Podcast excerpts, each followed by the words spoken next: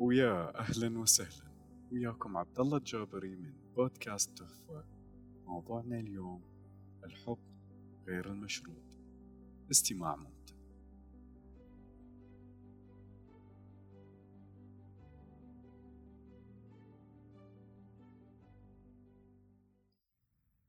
لو سألتك شنو هو الحب؟ تتوقع أنه تعرف الجواب؟ لكن يدور بكل ذهن. جواب مختلف وفكرة مختلفة تماما عن الحب. وهنا تخذلنا اللغة وتثبت كونها حاجز آخر عن التعبير عن الحقيقة. بشاهد من شواهد موضوعنا قصة جندي أمريكي. دخل حروب عدة ورجع منها سليم معافى. إلا آخرها كان على متن طائرة. تعرضت القصف. المفاجأة إنه ما مات. نقل على أثرها للمستشفى وأجرى عمليات حرجة. سرعان ما استيقظ وعرف أنه فقد إحدى ساقيه وإحدى يديه وإحدى عينيه. لما خرج من صالة العمليات اتصلوا بي أهله وهم بحالة ذعر وتساؤل صار لك هيجي وهل حقيقي هذا الموضوع. أجابهم أنا سليم معافى لكن عندي صديق هو عزم النفسي إلي وما إلى معين غيري. فقد أحدى عينيه وأحدى ساقيه وأحدى يديه. هل تسمحون لي أن أحضره إلى المنزل معي لكي أرعاه وترعونه معي؟ أجاب الأب. أنت ابننا ونرعاك أما هو فسيشكل عبئا كبيرا علينا. رد الجندي إلى اللقاء. وأغلق السماعة سمع صوت من الغرفة بعدها.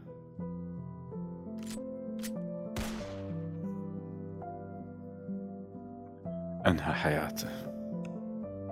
عرف أن الحب كان شرط الكمال. إحنا ما تعلمنا شنو الحب. أصلا ما سمعنا عن الحب الغير المشروط. من المؤسف أنه إحنا تربينا على حب مصحوب بشروط.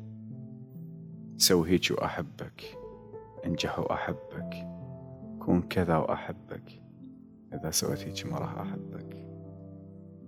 وهنا صار عندنا فهم سيء للحاجة والحب. وصل الموضوع لمرحلة برمجة عقولنا. على أنه الحب نتيجة أفعال مسبوقة بشروط. من المؤسف أنه بعض الأنظمة التربوية قامت تربي أجيال على أنه الله يحبنا بحب مشروط. إذا تصلي الله يحبك وإذا تسوي كذا الله راح ما يحبك. والله يحبنا دائما وأبدا.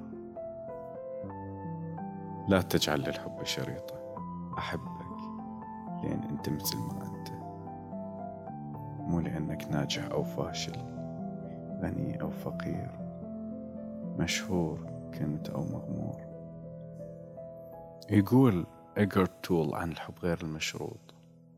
الحب الحقيقي هو أن تحب شيئا لا يمكن إدراكه بالحالة الفيزيائية.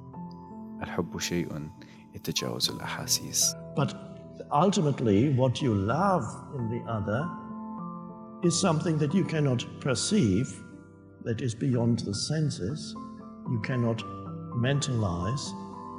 So the to be to perceive through that space of love is to be free of the compulsion to mentalize and conceptualize. في بعض الأحيان يكون من الصعب التخلص من فكرة أن الحب نوع من الحاجة وربما يكون صحيح في أحيان. يكمل إيجرت ويقول الحب الحقيقي هو أن تريد الخير للشخص الآخر.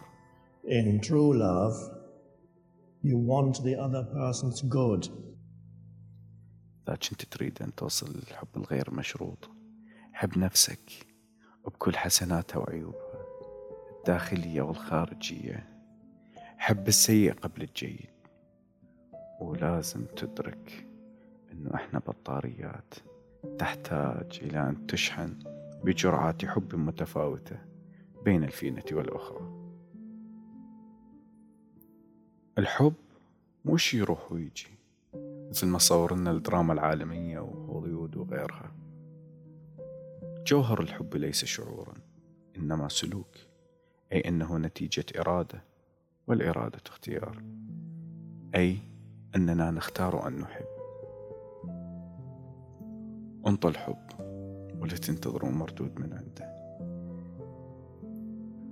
يشبه ستيفن كوفي الموضوع بساق البامبو حيث ترعى أربع سنوات حب واهتمام من غير انتظار أي ناتج وعند السنة الخامسة طول ويوصل طولها 30 متر دفعة واحدة.